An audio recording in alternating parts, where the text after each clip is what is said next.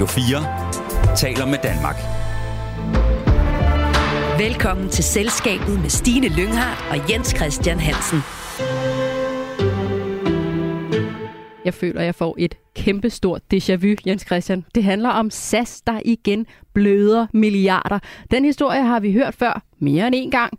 Hvorfor gentager den historie sig igen og igen og igen om man må spørge. Og igen, ja, det må du nok sige. Altså, et kæmpe déjà vu. Altså, jeg har skrevet om SAS i hvert fald 15, 20, 25 år. Der, jeg tør slet ikke tænke på øh, øh, helt tilbage til Jan Carlsen, tidligere øh, SAS-chef, som skrev øh, Riv pyramiderne ned, og SAS blev verdens bedste flyselskab.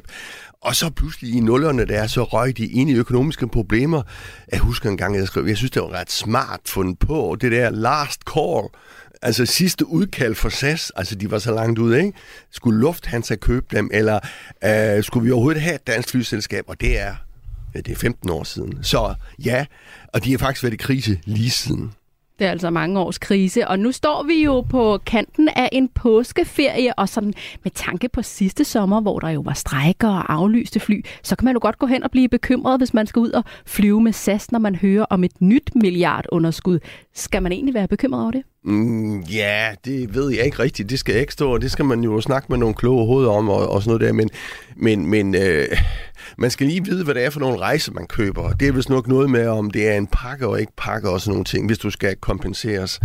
Øh, øh, men og altså er det altid svært at få penge tilbage fra flyselskabet. Det specielle ved flyselskabet er jo, og det er godt for flyselskaberne, fordi de får pengene på forhånd så har de nogle penge at arbejde med.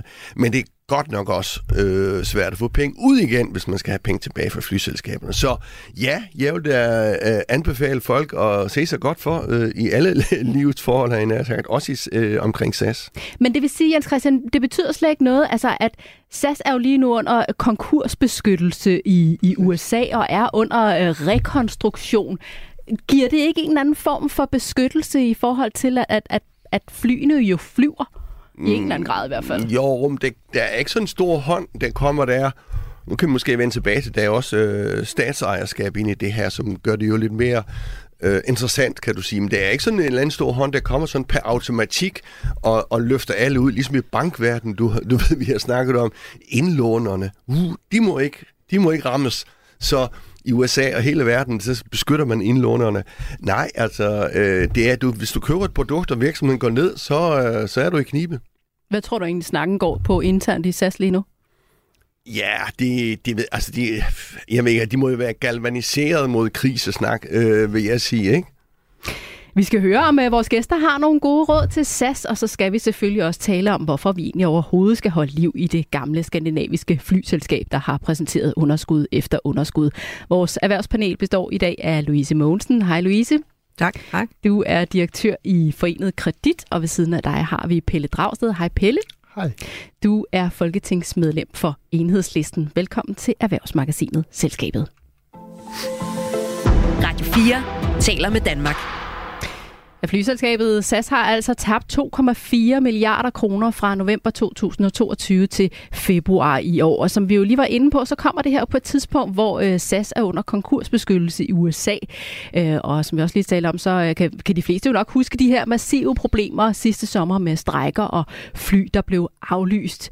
Øhm, men med den her konkursbeskyttelse, der har SAS altså mulighed for at fortsætte med at flyve, samtidig med at de foretager en omfattende rekonstruktion. Pelle, hvad mener du, at der skal til for at få SAS på ret kurs, så vi ikke ser de her milliardunderskud igen og igen? Altså jeg mener for eksempel den måde, man optrådte over for sine medarbejdere sidste sommer, var nok ikke det klogeste. Øh, både ud fra sådan et omdømmeperspektiv, øh, men også fordi at en grund, del af grunden til, at man har det underskud nu, det er jo fordi, man stadig kæmper med nogle enorme erstatninger øh, for dem, som mistede deres øh, sommerferie sidste sommer. Så det var et højt spil, man lavede der, og det blev meget dyrt øh, for, øh, for SAS. Og det er jo ikke første gang, at der har været, altså det er selvfølgelig anekdotisk, men når jeg taler med folk, der er ansat i flybranchen, piloter for eksempel, så peger man jo på bizarrt nok Norwegian som et mere trygt og sikkert og godt sted at være som, som pilot, øh, end, end SAS, som jo egentlig som en statsejet virksomhed måske kunne forvente sig tilbyde bedre vilkår. Øh, så der er noget tillidsopbygning, øh, som, er, som, er gået, som er gået tabt. Øh, og, øh, og så, står, så er flybranchen jo bare et hårdt sted. Der er jo nogle aktører på markedet. Vi kender Ryanair som sådan en bundeskurk i, i det, ikke? Som, som kører nogle fuldstændig øh, altså hardcore, øh, hvad kan man sige, forhold for deres medarbejdere, og i det hele taget en, nogle, nogle, øh, hvad kan man sige, en ret rå business model, ikke? som kan være svær at, at konkurrere med øh, for, et, for et selskab, som gerne vil optræde mere ordentligt. Så jeg er jo ikke øh, ekspert i at drive en, en øh, flyvirksomhed, øh, men, øh, men det er i hvert fald nogle af tingene. Altså, og så er der jo hele det store dyr i åbenbaringen, når vi snakker fly, det er jo klimaspørgsmålet, ikke? og øh, jeg har det sådan lidt dobbelt, altså jeg prøver selv at flyve så absolut så lidt som muligt, og tage toget i stedet for. Øh, så jeg er jo en af dem, som muligvis bidrager til, at det ikke går så godt med, med flybranchen.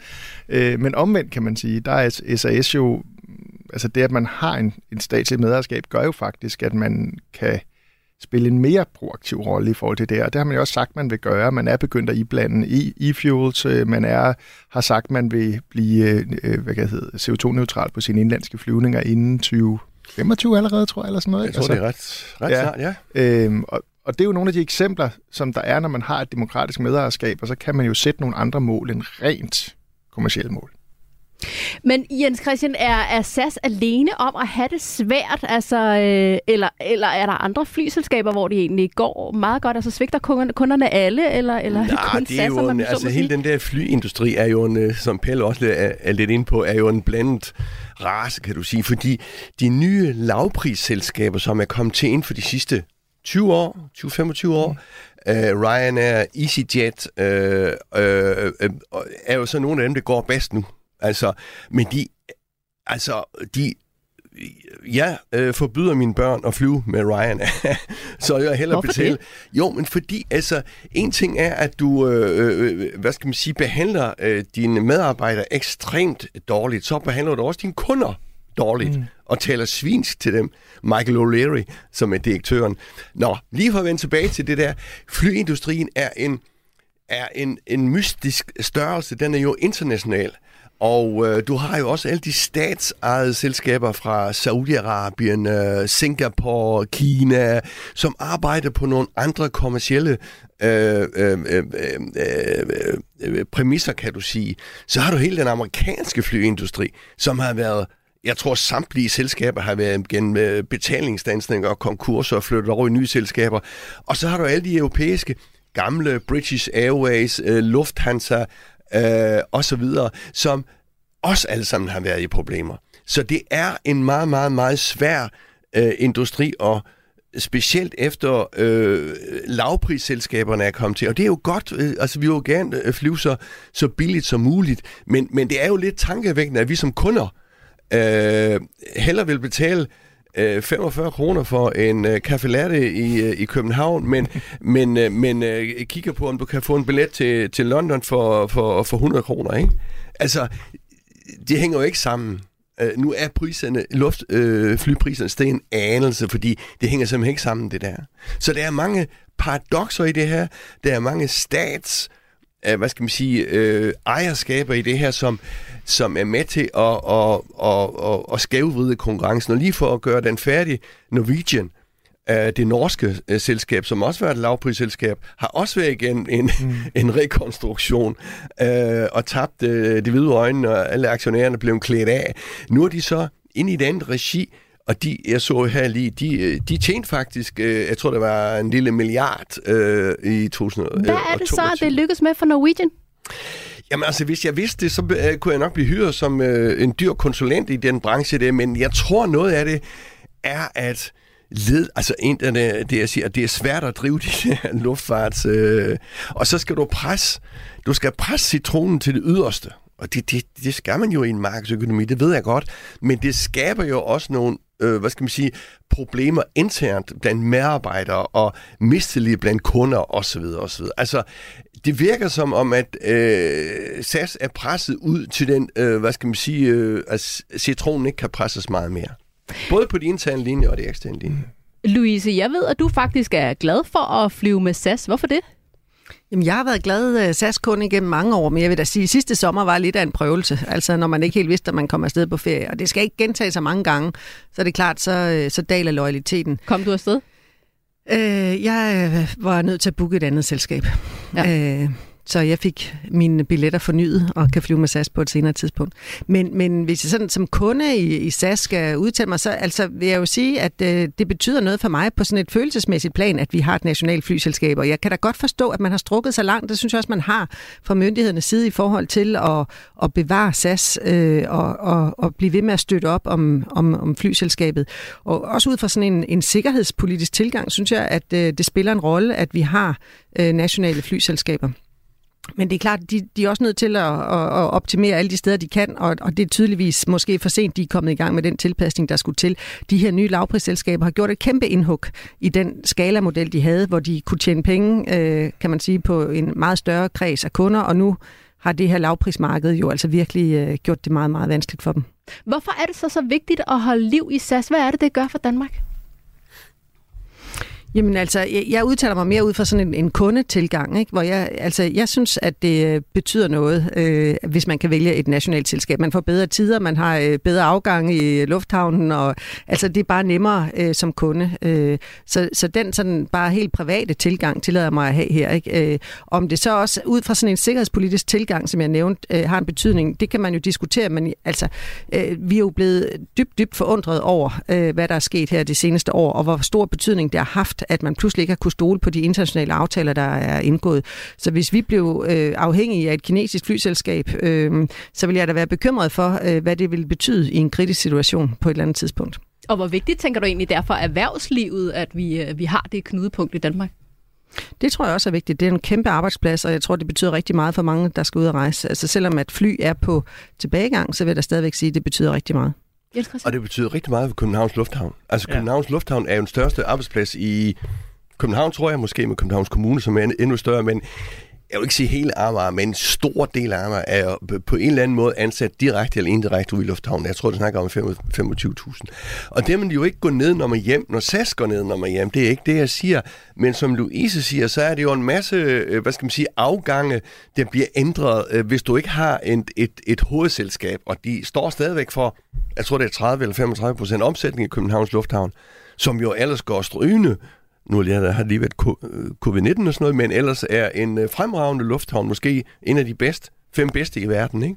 Så det hænger meget sammen. Staten ejer begge steder, medejer begge steder. Så set i det øh, perspektiv, så giver det meget, meget, meget mening at tænke SAS længere frem her, hvis man kan sige det sådan. Måske også for staten at putte flere, øh, øh, for staten at putte flere penge i, i SAS, men det kræver selvfølgelig, at ledelsen og strukturen, og, og, og, og SAS bliver konkurrencedygtig, så Louise og andre øh, tør, tør tage chancen at flyve med, øh, med SAS.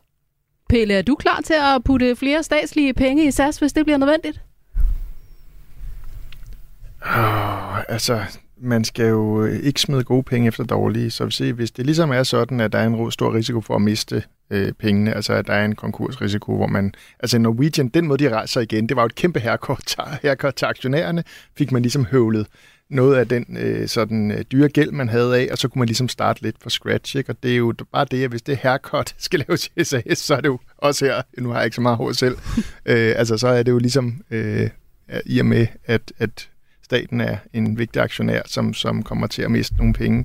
Så, synes, så, det, det, så vi skal ikke holde liv jeg i synes, jeg, jeg, jeg, jeg synes, det er dilemmafyldt. Øh, også fordi netop, at, at flyteknologi altså, jo har en, den her klimamæssige perspektiv, så altså, på en måde er det også at smide mange penge efter en, en meget sort teknologi. Indtil videre, omvendt har vi også brug for, at der er nogen, der går foran øh, med elektriske fly eller e-fuels og andet. Ikke? Og der kan det godt være, at et medejerskab kan være med til at sikre det. Så jeg synes, det er dilemmafyldt faktisk. Øh, Øh, også fordi vi ikke helt kender rækkevidden af de teknologier, der kan gøre flytransport øh, CO2-neutralt på sigt. Altså, vi, vi ved, at man nok kan flyve elektrisk på kortere øh, afstand, og så har vi det her e-fuels, altså øh, alt det, man snakker om med Power to X. Så der er øh, SAS jo involveret sammen med Lufthavnen i nogle af de her store projekter med at forsøge at øh, opfange CO2, øh, og så altså lave øh, e-fuels. Det ville jo være en sindssygt smart måde at anvende det på, men men vi ved også, at det er en enorm ressourcekrævende proces, og vil folk så være parat til at betale den pris?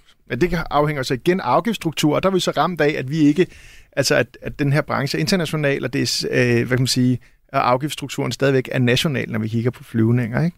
Men man skal stadigvæk tænke på det der, øh, at du har en masse selskaber, typisk fra Kina, fra Emiraterne, fra Saudi-Arabien, jeg ved ikke alt hvad, som jo bare øh, får tonset penge ind og bliver verdens bedste flyselskaber, fordi de får så Præcis. mange statspenge øh, tonset ind. Altså, og det er vel ikke det, vi vil, øh, tænker jeg, i en øh, vestlig øh, kontekst i hvert fald. Ik- ikke så voldsomt, selvom alle de store øh, europæiske øh, flyselskaber er, har staten som medejer.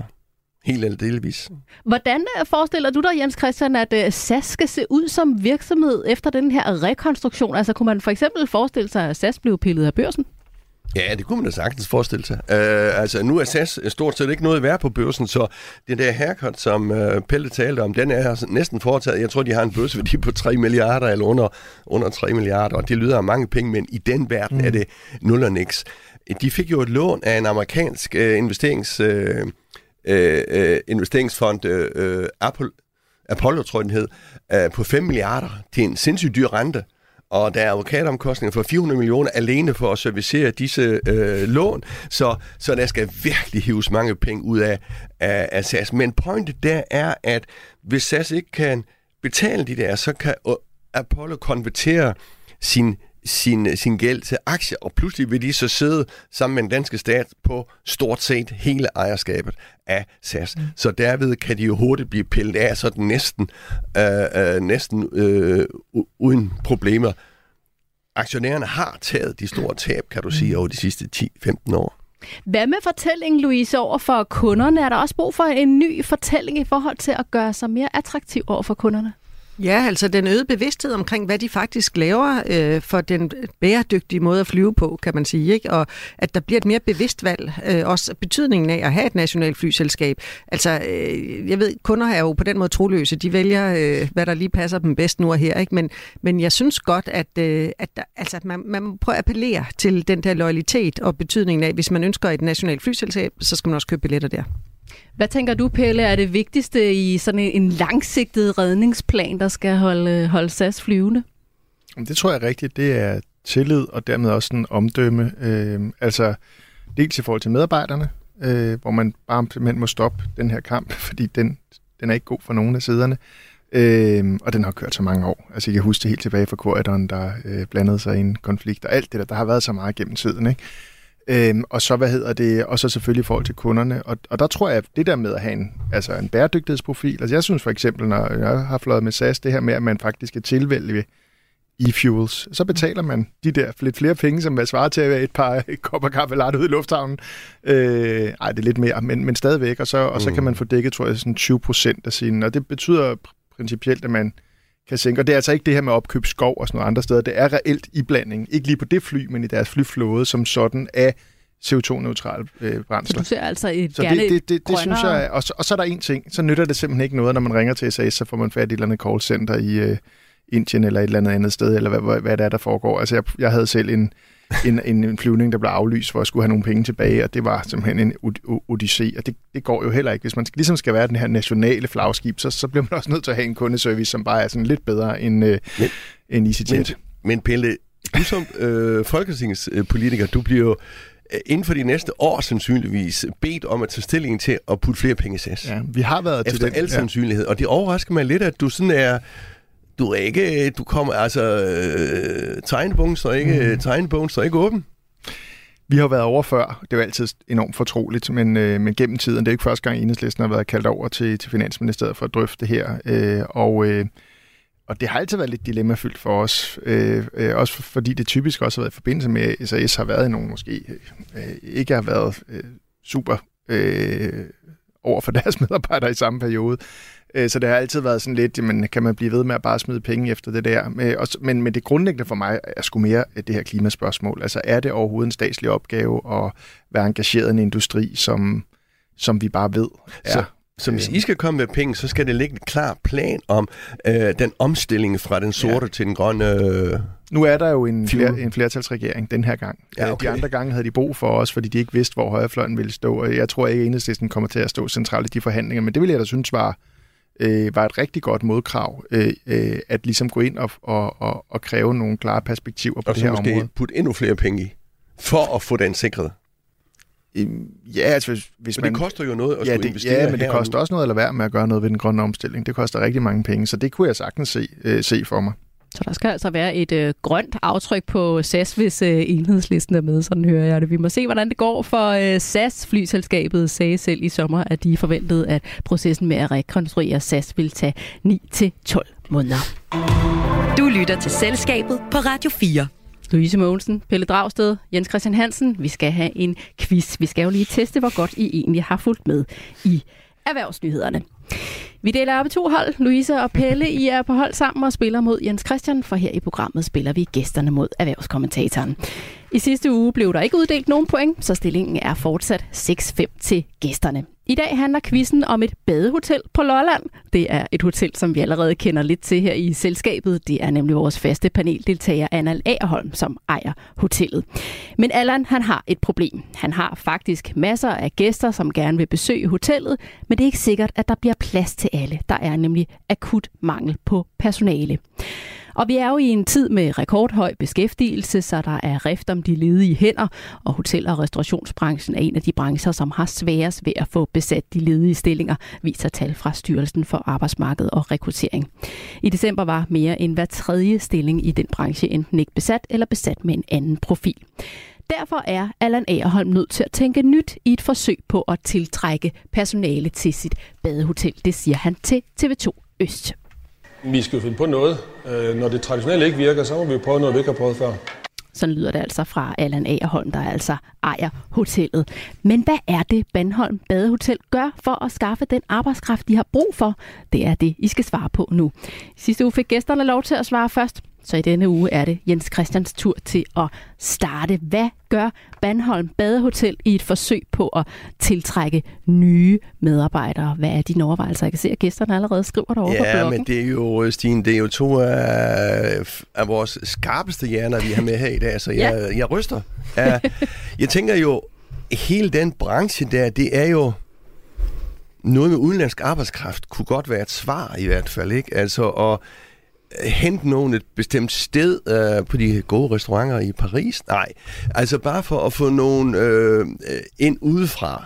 Øh, altså udenfra. Undskyld. Så man kan få en lille croque monsieur på Bandholm Badehotel? Ja, altså det kunne også være øh, øh, polske, øh, lettiske, øh, og det kunne måske også være helt uden for EU, at de vil forsøge det. Øh, der er jo nogle, jeg skal ikke gøre mig klog i alle de der regler, øh, der gælder på det område der, men, men det kunne være, altså jeg har jo ikke svaret endnu, Stine. Rolig, rolig, rolig, rolig.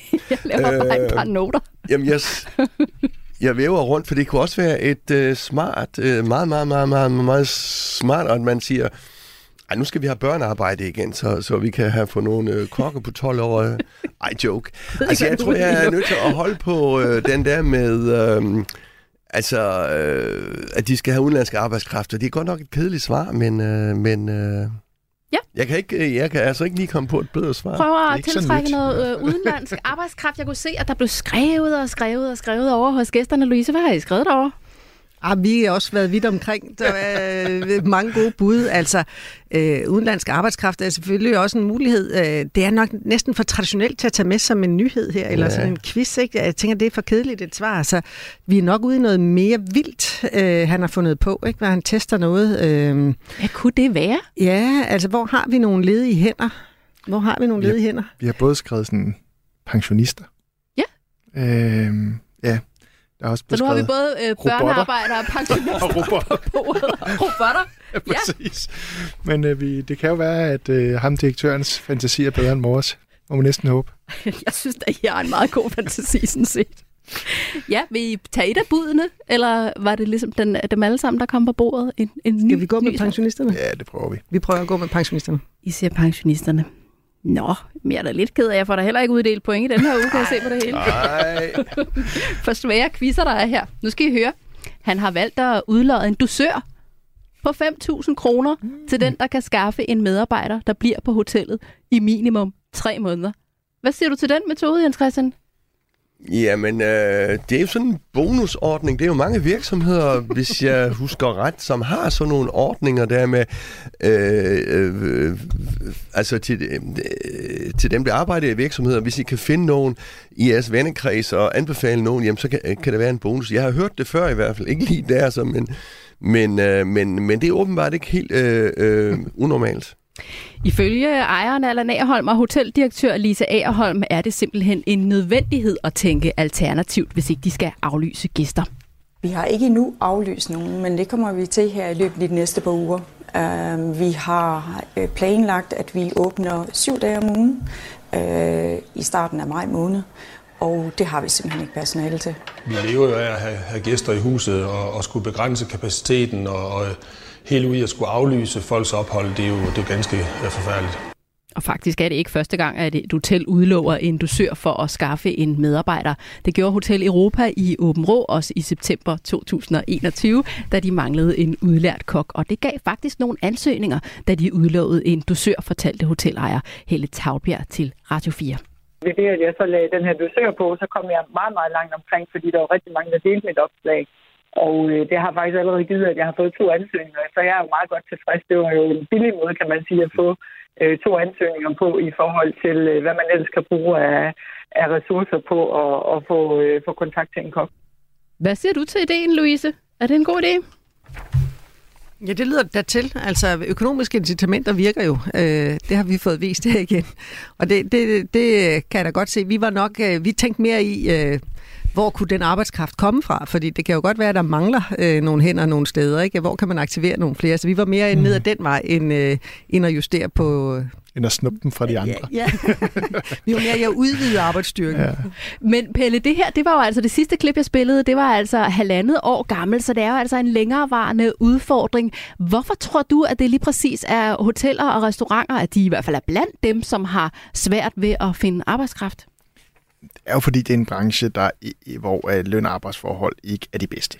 Altså det, det må vi sige. Det er også derfor, der er rigtig meget udlandsk arbejdskraft øh, og rigtig meget uorganiseret arbejdskraft. Der er meget lidt, lidt øh, overenskomstdækning inden for, for det her område, øh, altså restauration. Og, øh, og, øh, og det tror jeg er hovedsagen. Derfor er det også lidt interessant, det med, at man laver et forsøg, og man kunne jo også overveje, et andet økonomisk incitament. Jamen, det var det, Allan Herholm faktisk blevet spurgt om. Den er faktisk blevet spurgt om. Og ja. han siger selv, at, at de betaler et pænt stykke over overenskomsten. Ja. Og han siger også, at der er helt mad, personale mad mm. og gode forhold til at og ja. overnatte. Så han siger, det er altså ikke der, den ligger. Nej, altså en udfordring for dem kan jo også selvfølgelig være, øh, at hvor de er placeret. Mm. Altså, øh, og det er på Lolland? Ja, altså det, det, der er jo bare steder, hvor, er, hvor, hvor, der er, hvor presset er hårdere end andre steder. Ikke? Men, men, altså, men det her er jo den situation, vi har jo stadigvæk masser med øh, ledig arbejdskraft, hvis bare vi fik den uddannet og placeret. Ikke? Altså, vi har jo stadigvæk mange unge, det diskuterer vi hele tiden, som ikke får en uddannelse og ikke er i arbejde. Vi har stadigvæk mange med, med anden etnisk baggrund, selvom tallene ser meget, meget bedre ud. Øh, vi har øh, blandt de ukrainske flygtninge, tror jeg, trods at det er højt, så det var det vist kun hver fjerde eller sådan noget, der var kommet i arbejde. Øh, vi har jo øh, hele det her problem rigtig, altså vi har sindssygt meget sygemelding med stress, og vi har arbejdsmiljøproblemer. Der er så meget, vi kunne tage fat på for at frigøre noget arbejdsplads. Og så er det selvfølgelig udlandsk arbejdskraft, øh, som man jo også kunne være mere effektiv øh, til at tiltrække. Øh, der har jeg selvfølgelig den lille øh, forbehold, at, at så skal det være på job med overenskomst. Altså, jeg er sådan set, eller vi er i enhedslisten helt åbne for at øh, få mere udlandsk arbejdskraft. Men så mener vi også, at der må være en, en regel om, at det, det skal godkendes, øh, at der er en overenskomst af den fagforening, som dækker det overenskomstområde. Jens Christian? Ja, jeg tænker også på nogle af de arbejdsgiver, som mangler øh, folk nu, ikke alle, men nogen, uh, måske har været for dårlige til at tage øh, øh, lærlinge ind og, og skal man sige, uddanne deres egne folk. Og nu skal jeg passe på, hvad jeg siger, fordi jeg har jo ikke lige undersøgt det, men, men jeg vil tro, at det her er en branche, som ikke uddanner særligt mange selv.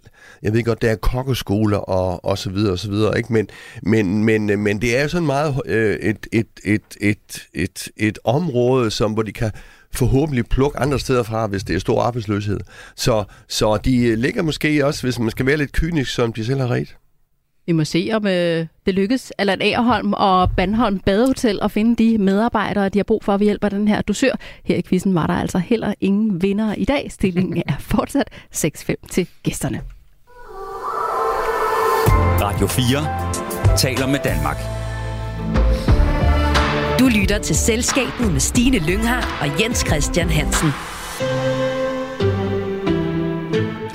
Altså her i programmet, vi stiller skarpt på ugens store erhvervsnyheder sammen med vores gæster, som selv kommer fra erhvervslivet eller følger det tæt. Dagens erhvervspanel består i dag af Louise Mogensen, som er direktør i Forenet Kredit, Pelle Dragsted, der er folketingsmedlem for Enhedslisten, og selskabets faste erhvervskommentator Jens Christian Hansen sidder også i panelet.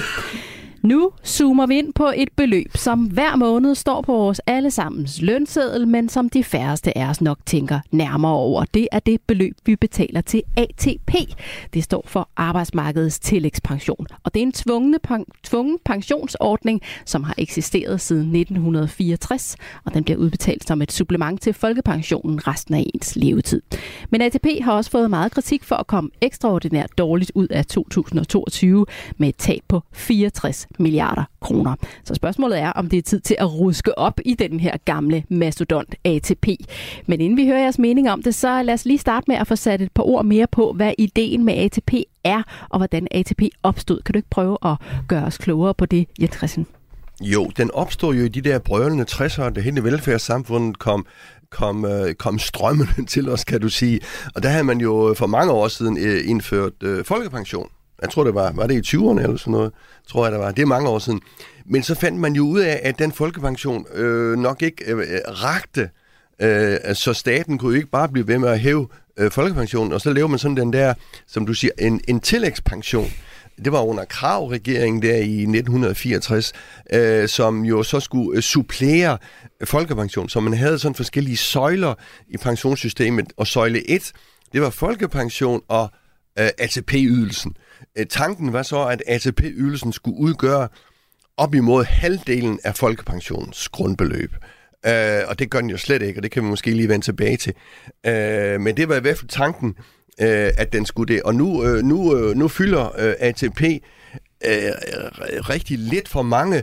Dog er det stadigvæk 40 procent af pensionisterne, som, er, som kun har folkepension og ATP i dag. 40 procent, det er meget.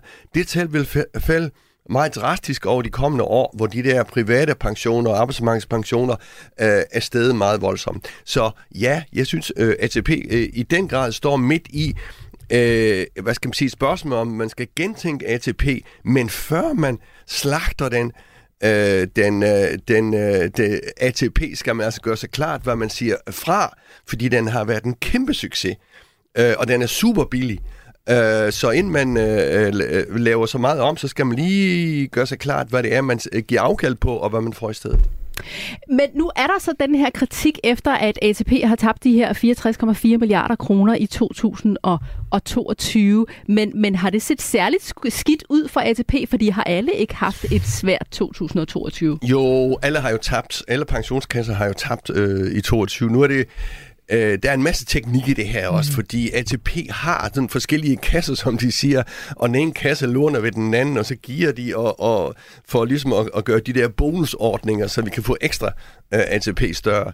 Lang historie, øh, men det korte og lange, det er, at den ikke virker til at være tilpasset det nuværende system, øh, kan du sige. Og derfor er det jo nogle øh, flere kritikere, mange kritikere efterhånden, som siger, at hallo, vi må altså lige øh, ind og at gentænke det der øh, system, og, og, og, men altså en grundig gennemgang af, hvad det er, der er problemet, og hvordan vi kan komme videre.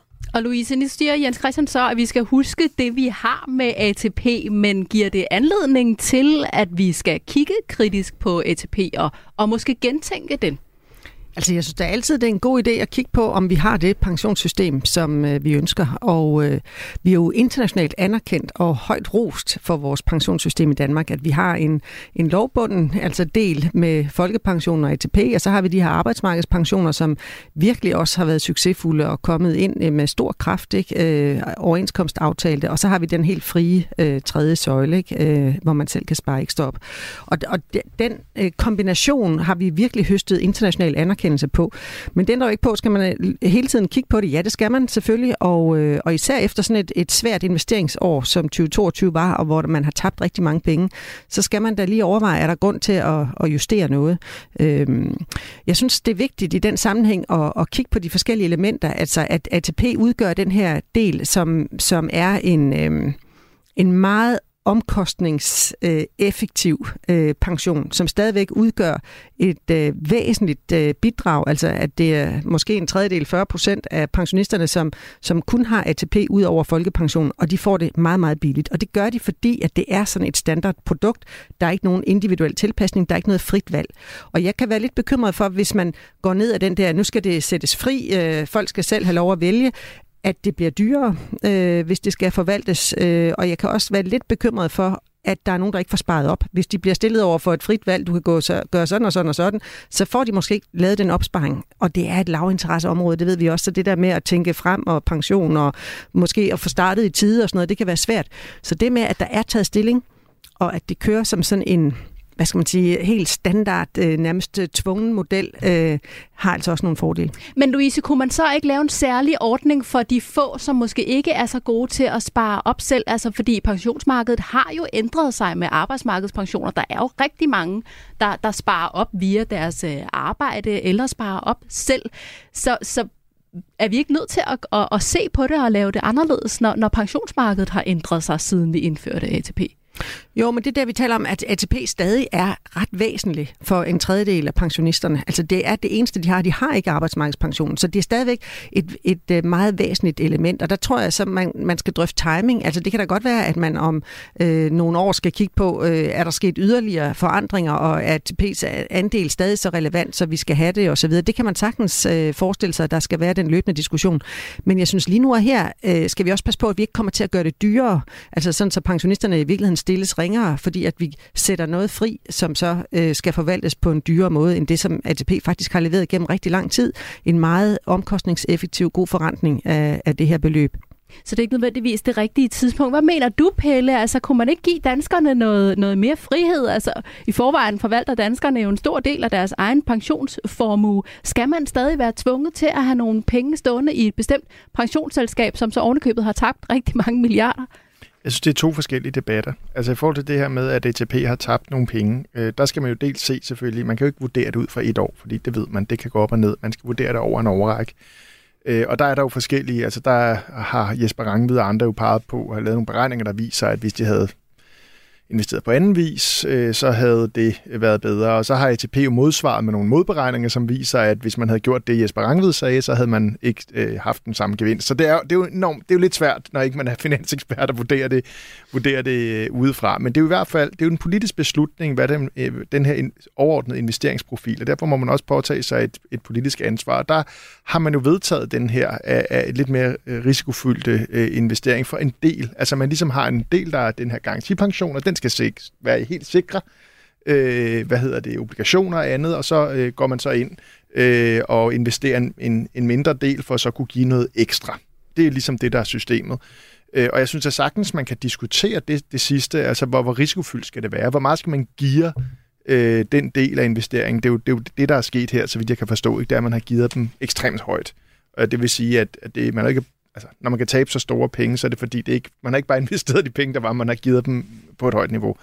Øh, hvad hedder det? Øh, så det er den ene debat. Den anden det er den her med, skal, skal ATP øh, bestå som et kollektivt øh, pensionssystem? Og det mener jeg absolut, man skal. Altså, og det er den oversag, som Louise og siger, det, det er jo, at øh, altså, det er billigt. Øh, det er simpelthen en stordriftsfordel. Det er en, øh, det, øh, og, vi, øh, og, og vi ved jo godt, når, hvis det her bliver overladt til øh, privat marked, jamen øh, dels så vil, bliver det dyrere, der er simpelthen større omkostninger, når der er mange aktører, og dels så øh, vil der jo også være det her med, at der er jo nogen, der er en bedre forretning end andre. Altså det er jo bare det, der er med, med de her kollektive systemer.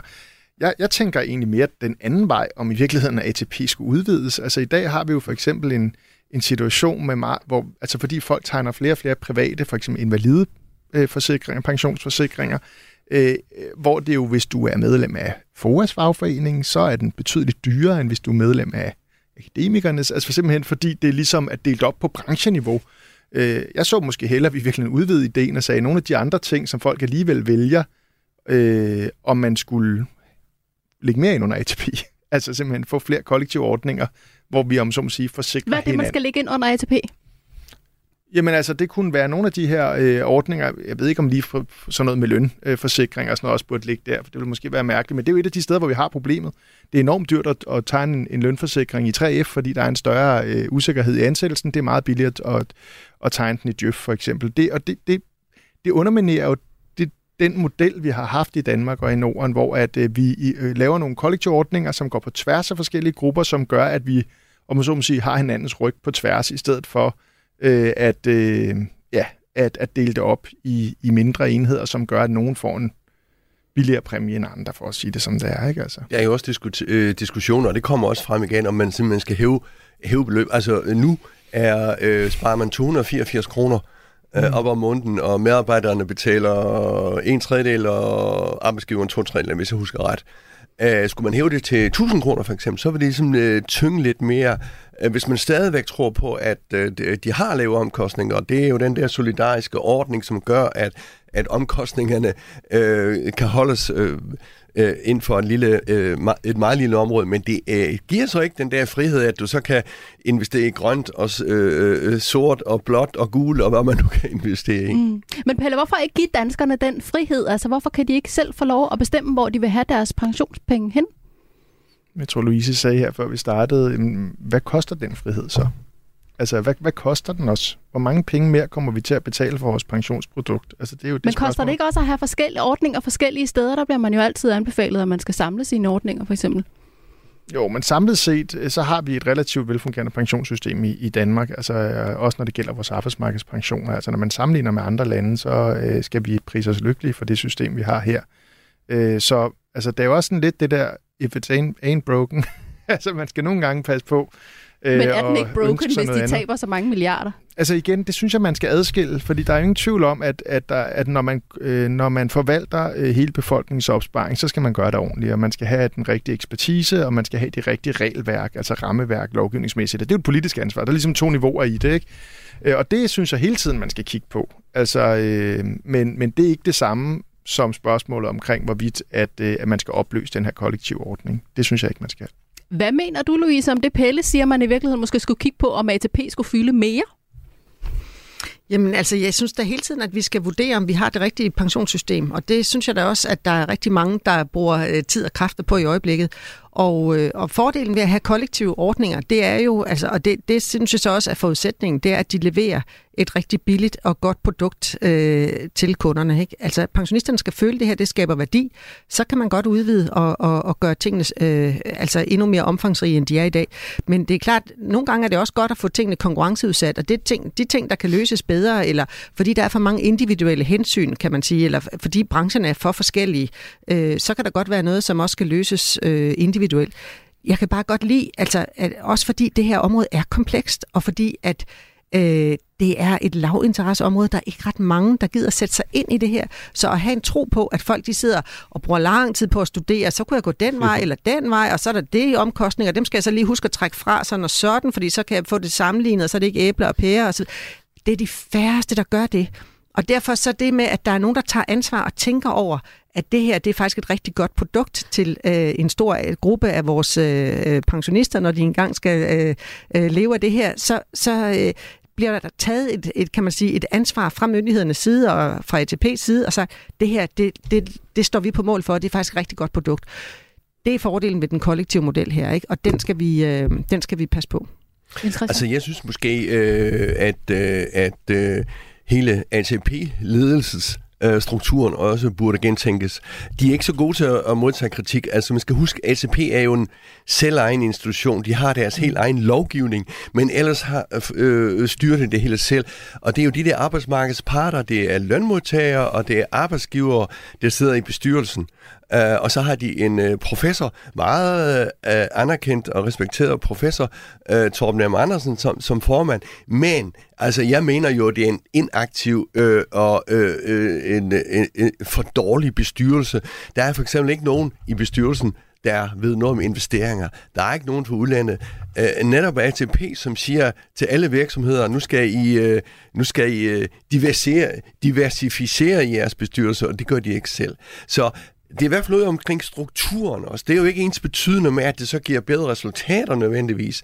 Men, men, men, men, men jeg synes, øh, ATP godt kunne... Øh, kunne, øh, kunne, øh, kunne lære lidt ved at, at lytte til øh, omverdenen øh, og reagere på det. Og det øh, får de jo mulighed for, for nu er de jo blevet kaldt i, øh, i Folketings... Øh, hvad bliver det? Beskæftigelsesudvalg må det være, øh, for at forklare sig, og der tropper så formanden og, og direktøren op og skal forklare sig.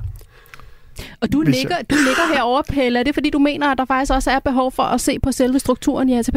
Øhm, det synes jeg altid, man kan. Jeg er jo nok generelt tilhænger af at gå lidt i retning af sådan mere demokratisk indflydelse på den her slags kollektiv pengetanke. Altså jeg øh, sådan, burde kunderne være med til at vælge et eller andet repræsentantskab, som man kender måske. for de mere kunderejede øh, selskaber. Det synes jeg måske.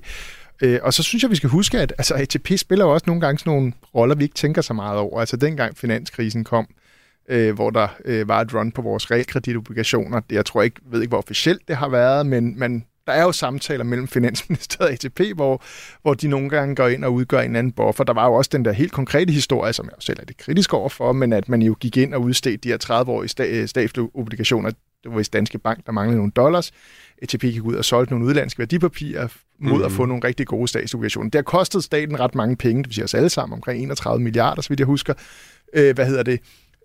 De penge tilfalder så heldigvis først og fremmest ATP, og det vil sige os alle sammen, der kan man sige, okay, det var lidt en dyr... Jeg havde gerne set, at Danske Bank var kommet til lommerne for at betale regningen for det der, men, men det er bare for at sige, det at have store kollektive pengekasser, som er semi uafhængige private, det er nogle gange er det altså også bare et redskab, du har for at kunne, øh, kunne gøre noget. Man kunne også bruge ATP sådan inflationsmæssigt. Ikke? Altså, det er jo, jeg, jeg tror faktisk, når du, når du snakker om oprindelsen af ATP, så tror jeg også, der var noget med, øh, den her tvangsopsparing øh, havde til formål også at dæmpe inflation. At det var en måde ligesom at, at, at sænke efterspørgselen. I hvert fald SP, som man senere lavede, og som ja. blev slået sammen med ATP, altså den særlige pensionsordning, var jo et inflationært indgreb. Og altså, det kunne man jo godt spørge sig selv om. Altså, øh, om hvis inflationen fortsætter, så er det jo også en måde at skrue på, som måske er mere social, jeg skruer op og ned måske endda, ikke? Altså, ned, ja. ja. Louise, øh, ATP har også fået kritik for måden, de investerer på. Altså det her med, at de kun har uh, friheden til at investere 20 procent af formuen, men med meget høj risiko. Der har de to pensionseksperter, Jesper Rangvid og Henrik Ramler Hansen, de har lavet en undersøgelse, som viser, at det i 10 år ikke er lykkedes ATP at sikre sig imod, at danskernes penge bliver udhulet. Og de mener simpelthen, at ATP ikke får nok ud af deres investeringer, fordi det er for, for risikofyldt. Ser du også, at man, øh, man skulle ændre den måde, de investerer på? Jamen altså, vi har allerede talt om, de har jo flere forskellige kasser, den måde, de øh, tilrettelægger deres investeringer på. Noget af det kører de med meget lav risiko. Det er langt hovedparten af porteføljen, øh, som skal stå for de her garanterede livslange produkter, som ATP jo har. Ikke? Øh, og det er der, hvor der ikke, kan man sige, er noget særligt at udsætte på dem. Og så har de haft sådan en særlig portefølje, hvor de har taget den høje risiko og den slog hårdt i år. Ikke? Øh, og det er der jo ingen tvivl om. Det er man nødt til at vurdere over en længere periode, for at se, om det så er en hensigtsmæssig måde at gøre det på. Jeg synes ikke, man skal vurdere det ud fra et enkelt år. Øh, og det tror jeg da selv i høj grad, de er i gang med. Men det er jo altså ikke lykkes i 10 år? Ja, men jeg tror, det er omdiskuteret. Er det ikke de beregninger? Eller, øh, øh, jo, det er de i hvert fald til ATP selv, at ja. hvis man havde brugt det forslag, så havde det set endnu værre ud. Jeg tror ikke, de kan gå ind i uh, lige den tekniske del af det nu, men, men det, at, at uh, altså, nu, jeg sidder selv i, også i en pensionskassebestyrelse, og jeg er jo også igennem Forenet Kredit øh, stor investor, og vi har da alle sammen kigget ned i vores øh, måde at investere på efter sådan et år her, ikke? hvor man tænker, hold op, der var lusinger på mange sider af hovedet øh, på én mm. gang. Er der noget, vi skal justere, og er vi rustet nok til det i fremtiden? Og det tror jeg også i høj grad, man gør i ATP øh, i øjeblikket. Ikke? Og det synes jeg er helt naturligt, fordi det skal man jo løbende overveje. Øh, de kommer altid uventet, de her hurtige bevægelser, og renten steg bare øh, kolossalt enormt hurtigt igennem 2022 en stor overraskelse for alle investorer. Øh, så, så derfor øh, var man måske ikke helt forberedt på det i tilstrækkeligt omfang.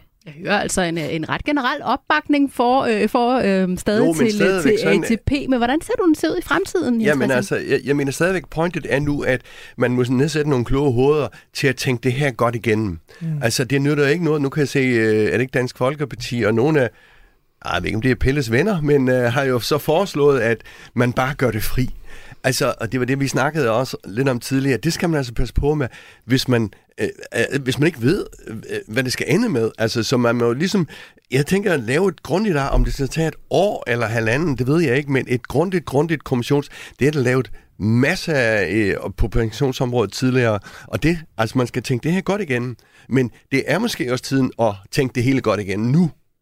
Vi må se, hvad der sker på det her område. I dag er ATP et af Europas største pensionsselskaber med 5,5 millioner medlemmer, og den samlede pensionsformue i ATP er på 678 milliarder kroner.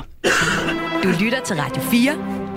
Og det her er Erhvervsmagasinet. Selskabet i studiet er Louise Mogensen fra Forenet Kredit, Pelle Dragsted fra Enhedslisten, selskabets faste erhvervskommentator Jens Christian Hansen, og jeg hedder Stine Lynghardt. Her de sidste minutter kan vi lige nå at runde den seneste udvikling i energibranchen, hvor tre medarbejdere i det andelsejede energiselskab Energi Danmark har stået til at få 60-cifrede millionbonusser, fordi de havde en bonusaftale uden loft. Det er en historie, som Finans har afdækket, og som vi også havde oppe her i programmet i sidste uge. Siden da er de tre medarbejdere suspenderet, fordi det ikke er lykkedes at få en aftale på plads med medarbejderne om at frasige sig deres bonusser, og det betyder, at striden kan ende i en retssag, så det er altså endnu uvist, hvor sagen lander. Hvor er det, at uh, filmen knækker for dig i det her forløb, Jens Christian? Jamen, det er jo de beløb, man hører her. Altså, det er sjældent, jeg bruger over det der ord skandale i min øh, journalistik, fordi det er jo sådan en floskelbegreb også, ikke? Men, men her er vi meget, meget tæt på øh, skandalebegrebet. Jeg synes faktisk, det er en skandale, at Altså en ting er sådan, at man øh, lav, laver nogle aftaler om bonusser. Det kan være øh, godt noget hen ad vejen. Så kan du få måske et års løn, øh, eller hvad vi er, et halvt års løn. Det er meget. Her er vi oppe i 10, 20, 30, 40 gange din årsløn. Altså det vil så sige, at du har en ledelse her, og jeg er næsten mere kritisk over for den ledelse, der indgår i de her ting, end disse medarbejdere, øh, eller det er også de er sådan mellemledere, tror jeg, hvis jeg husker ret, øh, som har taget pengene. Øh, det har jeg da også gjort, har tilbudt sådan en ordning der. Men pointet er sådan set, at, at det, altså, det er jo dårlig ledelse at have indgået sådan nogle aftaler her. At det, du har altså, at den er uden loft-aftalen, er For det eksempel, det, der er at den er uden loft, og øh, måske også i, i forhold... Altså, de sidder og handler energi. Altså, øh, herregud, øh, jeg tænker, der kan sikkert findes rigtig mange mennesker, der vil gøre det der for halvdelen, eller en fjerdedel, eller en tredjedel. Uh, så ej, jeg er lidt forarvet. Er du enig her, Louise? Ja, jeg synes, det er så vilde beløb, øh, og netop igennem en periode, hvor man har sendt øh, meget store regninger øh, videre til kunderne øh, så skal man være øh, parat til at og, øh, stille op til at blive grænsket. Og det er jo så også dygtige erhvervsjournalister, som, øh, som kan man sige forfølger sagen. Og det, det tyder på, at der er blevet begået nogle fejl, når man laver sådan nogle kontrakter her uden loft. Ikke? Altså så, øh, så det, det virker simpelthen forarveligt. Øh, og øh, jeg vil sige... Øh, Finanssektoren har jo haft sine problemer. nu kommer jeg jo fra den sektor, hvor vi faktisk har nogle erfaringer, vi gerne vil låne ud af, fordi vi er jo vant til at blive beskyldt for at være meget grådige og ondskabsfulde mennesker. Ikke? Øhm, og efter finanskrisen har der jo været en lang, øh, kan man sige, øh, et langt forløb, hvor man har indført øh, altså øh, gennem lovgivning regler for øh, bonusser. Og der er jo loft, og der er altså sådan nogle clawbacks, øh, hvis ikke det går galt, hvis ikke det er langsigtet værdiskabelse, men kortsigtede interesser, og det ikke har været holdbart, så bliver bonusen krævet tilbage. Og, det, og, og på den måde, der er meget at lære. De må gerne få nogle papirer fra den finansielle mm. sektor, øh, fordi der er altså behov for selvfølgelig at se sådan noget efter. Hvis man, hvis man ændrer på priserne og sender regningen til kunderne, hold det op, så skal man godt nok øh, være påpasselig med, hvad der så foregår i selskabet. Men som jeg har forstået det, har de her øh, medarbejdere, de har jo netop siddet og handlet med el, og der er jo også nogen, der siger, at, at de jo faktisk har været med til at kunne skaffe billigere el til, til danskerne, så måske havde regningerne været endnu større, hvis de ikke havde siddet der. Ja, og jeg tror da heller ikke, at det er sådan, at man skal gå væk fra at have øh, økonomiske incitamenter. Det tror jeg faktisk virker og er med til i den branche at skabe, at de sådan set jagter nogle gode aftaler. Her der taler vi om størrelsen. Altså vi taler mm. om, at det er løbet løbsk. Øh, altså det, det er så abnormt store tal. Det er det, jeg reagerer på. Ikke at der findes øh, bonusaflønning, som er jo øh, almindeligt i, i mange brancher, at der er en eller anden form for økonomisk incitament. Men, men her er det simpelthen løbet løbsk. Pelle, jeg tænker heller ikke, at du er begejstret for de her enorme bonusser, men det står vel virksomheder frit for at, at selv øh, aftale den løn og de bonusser, som de selv synes er i orden med, med, med deres medarbejdere? Skal jeg måske lige vagtdeklarere, at jeg selv sidder i, i Andels øh, repræsentantskab, øh, som jo er hovedejer af Energi Danmark. Og der er der jo også blandt andelshaverne selvfølgelig en, en stor debat nu. Jeg synes, det skal siges til Andels forsvar, at sådan som historien er blevet fremstillet, i hvert fald fra koncernens side, så er der jo tale om, at der er en direktør, som har indgået de aftaler uden bestyrelsens viden, øh, og i strid med koncernens retningslinjer for, hvilke aftaler man kan indgå. Og det er jo derfor, man siger, at man ikke vil ud, altså man siger jo, at man kommer ikke til at udbetale det her, og derfor kan det ind i retten. Så det, altså, der er jo kommet lidt mere frem de seneste dage, og jeg tror også, at os, der er andelshaver, er blevet lidt mere betrykket af, at, øh, at det altså ikke er en eller anden beslutning, der er taget for koncernens øh, ledelse. Men, men, men igen, det får vi jo at se, når der er en retssag, der er afgjort. Men i forhold til, skal man gribe ind med lovgivning? Øh, ja, det synes jeg, ligesom man har gjort på finansområdet, øh, det synes jeg godt, man kan. Øh, vi skal huske, øh, den her branche var jo en af dem, vi gik ind med enorme statsgarantier for for ganske få måneder siden, på grund af de her afdækninger, som gjorde, at de, skulle, de var ved at... Ja. Så når man har et meget reguleret område, som også er meget afhængig af, hvad kan man sige, statens øh, opbakning i, i specifikke situationer, så må man også gerne kræve den anden vej, at der er en rimelighed i, i aflønningen øh, af medarbejderne. Det, det ser jeg slet ikke noget problem i. Vi er nået til vejs ende i selskabet i dag. Tak til vores gæster, Louise Mogensen, direktør i Forenet Kredit, Pelle Dragsted, folketingsmedlem for Enhedslisten, og selvfølgelig også til dig, Jens Christian. Vi ses igen på næste onsdag, og det glæder jeg mig til. Der sender vi nemlig et helt program om de nye chatbotter og den kunstige intelligens, der ligger bag, og som lige nu udvikler sig i et tempo, vi aldrig har set før. Det er et øh, kæmpe potentiale for virksomhederne og at ændre vores arbejdsmarked markant, lyder det fra iagtager. Jeg håber, at vi hører ved, høres ved i næste uge. Program Programmet er produceret af Beam Audio Agency for Radio 4. Radio 4 taler med Danmark.